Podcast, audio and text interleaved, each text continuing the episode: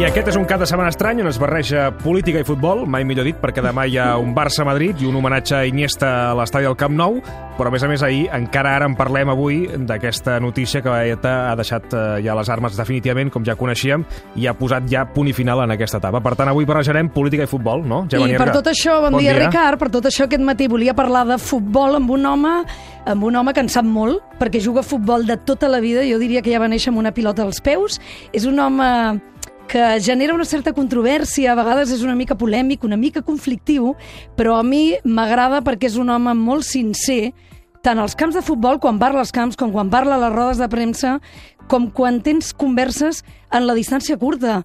No perquè jo n'hagi tingut, però m'ho han explicat els meus companys periodistes a qui ell a vegades estima molt i a vegades no tant. Mm. Ha tingut alguna polèmica. Yeah. Ell va començar sent jugador, però una lesió el va portar a una retirada prematura i a fer d'entrenador de l'Atlètic de Bilbao, de l'Espanyol, l'Atlètic de Madrid, la Reial Societat, entre molts altres. Ell és el Javier Clemente de Baracaldo i aquest matí ens saluda des d'un camp de golf de Girona. Javier Clemente, Egunon, bon dia. Hola, Egunon, buenos días. Bon dia. Què tal, com estàs? Bien, bien, estoy muy bien. Sí. Bueno, sí, tranquilo, sentado, atendiéndoos, bien, bien. Oye, ¿y esto del golf, Javier? Me pregunto, ¿por qué tantos futbolistas os dedicáis al golf? Bueno, yo creo que a muchos futbolistas les, les metí la fiebre del gol yo, pero... pero Eres tú, pero, pero, pero, indirectamente, porque eh, normalmente los campos de golf están en sitios muy tranquilos, eh, tienen un paraje y un entorno muy bueno, entonces a los futbolistas para pasear y todo, pues este es un sitio muy agradable. Y entonces yo iba a buenos hoteles y, y los buenos hoteles tienen campo de golf. Entonces, en ese sentido, pues mm, íbamos concentrados y los jugadores en su tiempo libre no se aburren muchísimo y en lugar de estar jugando a cartas, pues iban a dar bolas y poco a poco em, empezaron a aprender y es un deporte que es muy compatible con el fútbol porque estar al aire libre y, y que te dé el sol y pegas un pelotazo y, y no haces un esfuerzo físico muy grande. Y entonces eso, pues compatible para el fútbol y, y, a los profesionales les va muy bien porque estando jugando en el golf no están en ninguna cafetería tomando copas. ¿no? ¿Tienes handicap? Eh, yo sí, malo, pero tengo. Yo soy 14 ahora, sí. está bien, ¿no? Pero yo no entiendo nada de golf. ¿Eso qué quiere decir, Javier? Pues la, la puntuación, ¿no? Que, sí. No, quiere, quiere decir que los los muy malos o los principiantes eh, son 36, ¿no? Y los que ya llevamos mucho tiempo, pero ya no hay forma de mejorar, y sobre todo yo que estoy operado de la columna, pues, pues nada, estoy 14, me divierto, no, no hago 14 casi nunca, porque soy, ya soy bastante flojo, y lo que sí hago es que, me, como me encanta, pues voy dos, tres días a, a, dar un paseo y, y juego mis, mis hoyitos y, y, me lo paso muy bien. Por tanto, es un hobby más que otra cosa. ¿no? Javier, yo decía antes que tú eres un hombre que has jugado al fútbol toda la vida porque empezaste de muy jovencito pisando ya San Mamés como jugador profesional, pero antes en, en los hermanos de la Salle, en la calle. Yo siempre te veo como el de Baracaldo, el rubio de Baracaldo, que así te llamaban, y con un balón en los pies.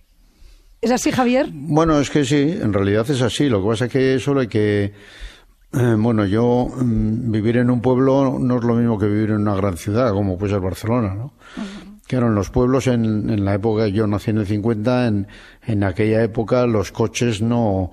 Eh, en fin, va a pasar un coche por una calle, pues costaba muchísimo ver un coche por una calle que no era la principal del pueblo. Entonces ahí jugábamos, lo, la gente, eh, salíamos a la calle, en, la, en plena calle, te ponías a jugar o en, en los mismos colegios. Ahora yeah. es muy difícil que los niños en los colegios tengan campos de fútbol.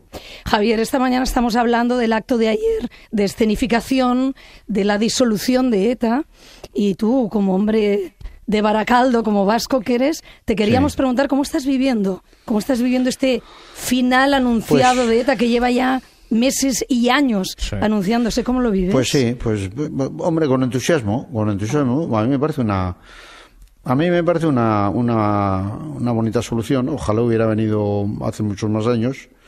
Pero desgraciadamente no, en eso no podemos intervenir. Es decir, eh, lo que quiere la gente no es lo que hacen los políticos o, la gente que está implicada en esos hechos. ¿no? La gente, nuestro pueblo, pues llevamos, bueno, yo soy del PNV, El PNV lleva más de 50 años diciendo que bueno que estamos en contra del terrorismo y que la desaparición de ETA hubiera sido lo más deseable, ¿no? Pero bueno, no, no dependía de nosotros. Lo que está claro es que ha llegado ese momento, siempre es bueno cuando las cosas llegan y no hay que quejarse. Hay otros ahora que están diciendo es decir, eh, a mí a mí no me molestan las cosas cuando se ponen pegas a una cosa que es buena, ¿no? Y dicen, sí, eh, bueno, presentan o, o, lo dejan, sí, pero no se arrepienten. Bueno, es, un principio, ¿no? Dice la gente, bueno, que, que dejen todo, que, que hagan todo bien, eso es muy complicado. Pues yo, voy por el principio, bueno, pues han empezado haciendo algo que es bueno y que deseamos, pues estupendo. A ver si dentro de dos meses hacen otra cosa que es estupenda, ¿no? Por tanto, yo creo que en general, en el pueblo vasco, todo el mundo está feliz, ¿no? Has dicho, soy del PNV, pero creo que no afiliado, ¿no? No, no, te, no. Te oí contar una vez que, te aconsejaron que no te afiliaras. Sí, pero bueno, y además creo que me aconsejaron bien. Bueno, porque fue, era un momento en el que yo estaba, era profesional y, y entonces siempre eh, puedes eh, decir algo, puedes comentar algo o incluso puedes agradar más o agradar menos a la gente que, que no es precisamente de tu partido. Y me digo, pues no te afilies, porque además yo creo que hice bien porque para para ser algo no hay que estar afiliado a nada. Si tú tienes sentimientos de algo, pues, pues no te tienes que matricular. ¿eh? Eh, me refiero en cuanto a la forma de ser. Si tienes que si tienes que ir a trabajar de químico, pues tienes que acabar la carrera de química, eso es indudable, ¿no? Pero eso es matricularse. Pero en, en, en los deseos, en los pensamientos, en la forma de ser, en el carácter, pues yo no tengo que identificarme, sino mi vida es la que me identifica. Soy católico y mi vida me identifica como católico, no porque, porque bueno, me lo hicieron de niño, ¿no? lo de bautizarte y la comunión y todo eso, pero lo que hay que hacer es ejercer de. Y yo ejerzo del PNV, por, bueno, pues porque soy del PNV, porque creo más en, en sus creencias, pero también hay cosas del PNV que, que, hay veces que a mí no me gustan. Pero, pero, lo, lo, cuentas, ¿eh? No, no, te cortas. No, no, yo no me corto, no, no. No, habéis empezado mi introducción diciendo que yo soy un hombre polémico. Yo no soy absolutamente nada polémico. Y yo creo que a mí si me preguntan por algo, me tengo que manifestar en algo y me dicen qué opinas de, pues lo que hago es decir lo que yo opino. Y dicen, es que usted es polémico, joder. Pues no, no, no, no, soy polémico porque opino de eso, ¿no? Sí, no, no, quizá lo, quizá lo he dicho mal. Es verdad que tú no eres polémico, pero generas polémica. ¿No, Javier? Bueno, porque, porque transmito una opinión y, la polémica Porque no te callas. No, pero la polémica, bueno, es que es muy sencillo decir, eh, ¿opina de esto? No, perdonen, de esto no opino. Esto, ¿usted en qué piensa? Yo no pienso nada, o si pienso, a usted no le importa. Esto, oiga, ¿qué le ha parecido, qué tal ha jugado el Barcelona? Pues yo del Barcelona no tengo que opinar. Oiga, ¿y, a usted qué le parece que haya árboles en la calle? Pues mire usted, pues, pues, no pues, tengo que opinar. Pues, pues, no tengo que decir nada de los árboles de la calle. Y dicen, oiga, usted verdaderamente no es polémico, usted es un imbécil.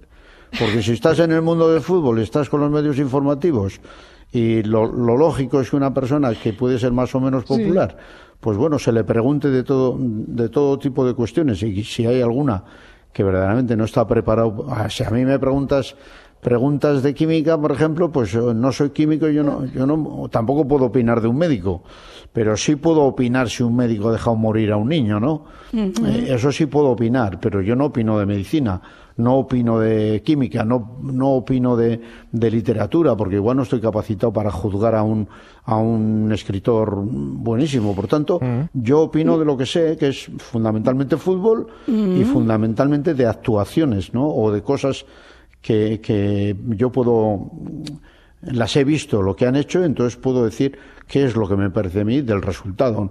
Pero lo demás, eh, hay muchas preguntas de periodistas que son difíciles, que la mayoría de la gente no quiere entrar a contestar. Hay futbolistas que dicen que de política no quieren hablar y yo creo que sí debemos de hablar. Además, la política y el fútbol.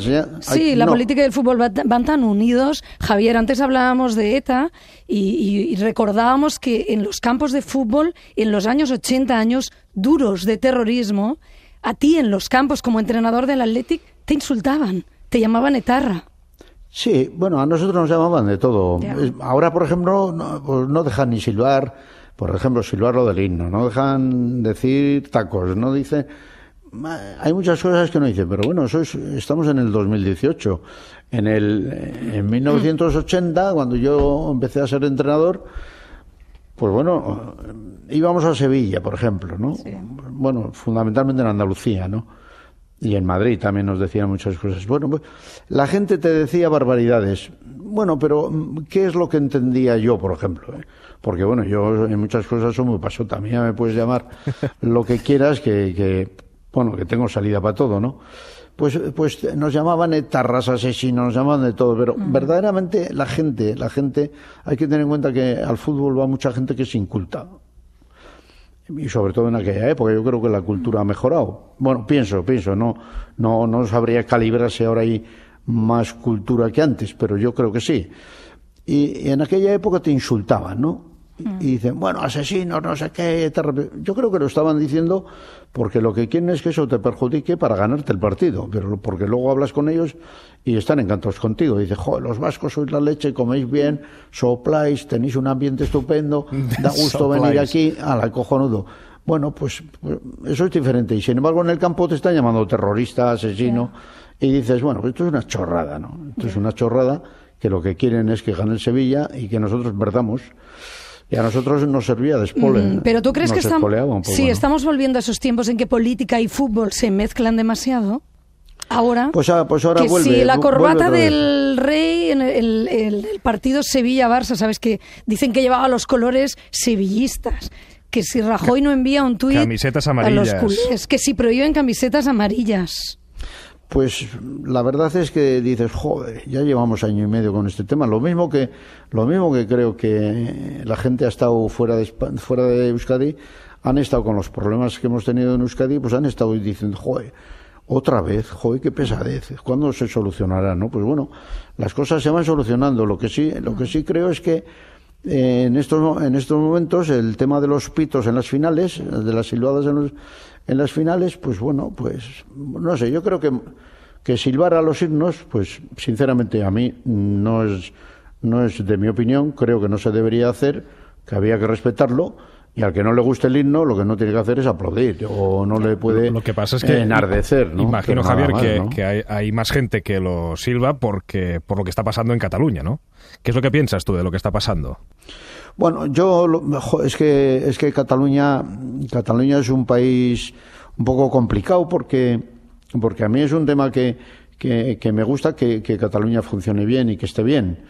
Y claro, un país como Cataluña en el que el, el 50% es independentista y el otro 50% no, pues eso que es, muy complicado. Yo creo que en Cataluña las famosas votaciones que, que hay están un poco mal explicadas porque el tema de la independencia hay que explicarlo bien. Porque igual es efectivamente lo que desea la gente y dice, bueno, pero vale, hay que decir muy bien lo que es lo que es la independencia. La independencia es qué tipo de impuestos va a haber, de qué va a vivir el país siendo independiente, cómo va a vivir, pero todo de hechos reales. ¿Qué tipo de impuestos va a haber? O sea, falta, falta un debate sobre lo que es un modelo de país independiente y lo que sería un modelo de país más federal, por ejemplo. Ya, bueno, pues que cómo voy a votar yo independencia si me dicen, bueno, usted todo lo que gana en la empresa lo tiene que entregar para pagar las carreteras. Dice, joder, pues va a ser independiente su padre. Oiga, no, me van a subir la cerveza. Me cago en. Las comidas, los restaurantes, eh, más complicado. El IBI de los pisos, pues tres veces más y, dejó, y va a haber puestos de trabajo la mitad. Eh, yo creo que este debate de la independencia y no es, es, complicado y es muy difícil que lo entiendan la gente de fuera. Yo lo puedo entender porque, porque soy de Euskadi, ¿no? Bueno, y porque eres, medio, eres medio catalán, ¿no? Bueno, también, pero no, pero aparte es que es muy difícil en España porque, porque hasta, hasta no hace mucho eh, Cataluña, el, el origen, o sea, el, la cantidad de cosas que han venido a Cataluña, muchas de ellas han sido producidas por los catalanes, eso es indudable, ¿no? Y por empresarios catalanes. Pero otras muchas sí han venido de fuera. Y entonces, claro, dicen, bueno, pues que nos devuelvan lo que os dimos, ¿no? Eso es lo que os puede decir, por ejemplo, un murciano, y dice, oiga, pues que nos devuelvan a nosotros lo que hicimos nosotros por Cataluña, ¿no? Entonces, todo esto es muy complicado. Por eso he dicho antes que los temas políticos, en realidad, la pregunta para la gente es tú opina eh, de la religión que quieras, los criterios que tengas. Mira, lo que necesitas es que haya buenos colegios, buenas escuelas, buenas bueno, buenas, eh, buenas eh, farmacias, buenos hospitales, buenos asilos, buena vida. En realidad no tenía que haber partidos políticos, tenía que haber partidos de buena vida para los ciudadanos. ¿Y tú estás teniendo una buena vida, Javier? Yo nací en el año 50, un 12 de marzo. Creo que nací de coña. Creo que nací, nací llorando porque te sacuden el culo. Que no sé por qué. Dicen que para abrir los pulmones, pero no lo sé. ¿Naciste en Baracaldo? yo creo que fue. los peores malos momentos de mi vida han sido cuando me pegaron el culo. Pero todo lo demás he vivido bien. He tenido he tenido, he vivido muy bien porque soy muy optimista, porque cuando, eh, por ejemplo, yo estuve en el español y perdimos la final del Leverkusen. Y luego he sido seleccionador y, y nos eliminaron en, en, Estados Unidos o nos eliminaron en Francia y he tenido malos partidos. Pero yo todo eso no, no, para mí todo eso no es mal vivir, para mí eso es buen vivir. Pero qué curioso, Javier, que citando algunos momentos malos, no te acuerdas o no quieres citar el momento de la lesión. Contra el Sabadell. Porque, claro, hay que recordar que tú jugaste a fútbol muy poco tiempo en realidad, porque tuviste la mala suerte ¿Y qué? Pues sí. De una mala entrada en un partido contra el Sabadell de Marañón, una entrada de Marañón, ¿verdad? Pero, pero es peor una muerte súbita, es peor un, otra cosa que les pasa a otros. A mí, bueno, pues jugando al fútbol me dieron una patada, se rompió la pierna, me operaron mal y vino todo cuadrado y dije, pues bueno, pues has tenido, has tenido mala suerte. Bueno, ¿qué pasa? ¿Qué, qué, qué, cuál es tu futuro mañana? Y dices, joder, pues, pues si yo lo único, dejé los estudios, yo estudiaba aparejador y lo dejé por, por jugar a fútbol. Y de joder, ¿y ahora qué vas a hacer? Si, si dejaste hace cuatro años de estudiar. Y dices, coño, ¿y, qué, ¿y ahora qué puedo hacer? Pues buscar trabajo. Eh, busqué un trabajo y, y, me puse a trabajar. Y luego dice, ¿y el fútbol? Y dice, pues joder, árbitro no me gusta, directivo tampoco, pues oye, pues entrenador. entrenador. Pues, pues, bueno, pero entrenador, pero, llegas, con el Athletic eh, llegaste a, convertirlo en, el mejor equipo, ¿no? Porque porque hice un muy buen equipo. Yo soy yo soy bastante buen profesional, ¿eh? a pesar de, de, lo que dicen, eh, estoy un poco loco, eso sí es verdad pero soy mucho mejor de lo que dicen algunos. ¿eh? Eso a mí me llaman el patapum para arriba. ¿no? Patapum para arriba. arriba. Sí, porque te, han, te, han, fichado equipos para que, para que los lleves arriba. Patapum para arriba. No, no, no. Me dicen, dicen eso porque conciben que mi fútbol es muy defensivo, cosa que no ha sido nunca. El, por ejemplo, en los cinco años del español, el español ha sido el más ofensivo que ha, que ha, conocido en sus muchísimos años de fútbol el español. Los resultados que tuvieron conmigo, los mismos chavales, son chavales encantadores, pero un equipo de casa, pero, pero con buen ambiente, con buen rollo, que al final es lo que me gusta a mí. Pero en Madrid, eh, para despreciar al fútbol vasco cuando fuimos campeones, decían que éramos muy defensivos y que lo único que hacíamos es pegarle al balón balonazos para arriba y punto y se acabó. Y que no jugaba, pero era para quitarnos, eh, o sea, para quitarnos nivel, para quitarnos categoría. Y el equipo era el mejor que había en España, el que mejor fútbol hacía y por eso fue campeón, porque si no eres el mejor no puedes ser campeón. Y no lo fuimos una vez, lo fuimos dos veces, pero la segunda vez lo fuimos para molestar. Eso, lo, eso propuse yo adrede, además. Les dije a los chavales, oye, mira, hemos, hemos ganado la liga este año a puro huevo. Sí. Bueno, pues este año que vamos a empezar, para que no digan que ha sido de suerte, vamos a ganarles no solo la liga, sino la liga y la copa. Y les ganamos otra vez la liga y la copa y jodemos a todos los que no les gustaban. al, estilo vasco, ¿eh? Sí, sí, para Este año, este año la liga la ha ganado el Barça. ¿Te ha gustado el Barça de Valverde? Un hombre a quien tú conoces muy bien. Sí, muy bien. ¿Eh? Muy bien. Muy bien, buen, buen entrenador, buen chaval. Y me alegro muchísimo, yo me alegro muchísimo que haya ganado la liga. Y además, bueno, lo que pasa es que el Barça, desde que estuvo Pep Guardiola, he tenido he tenido mala suerte yo, ¿no? He tenido mala suerte porque, joder, siempre tengo que hablar muy bien del Barça. ¿Por qué? Porque está Pep. Pep eh, le tuve yo en la selección un montón de años. Luego resulta que se va Pep y viene eh, Luis Enrique, que también le he tenido un montón de años en la selección. y que es un tío eh, fantástico. A mí, de, los tres, con, con, el que más identificado estoy a nivel de personalidad y más parecido a mí, más parecido a mí, pero parecido entre comillas, es Luis Enrique. Luis Enrique a mí me parece un chaval alegre, fantástico, buena persona eh, o sea, un tío genial. Er, eh, Pep es buen buen tío, le tengo mucho cariño, pero, pero es un tío más místico, es un tío más estudioso, es no no ya lo era cuando, cuando lo tenías de jugador ya era sí, místico. Yo creo que yo creo que Pep eh, es un entrenador exactamente o muy parecido a como era cuando jugador analítico o por, por ejemplo eh, Pep un, día habíamos había hecho él una jugada que no había estado bien acabó el partido y estaba joder, preocupado coño es que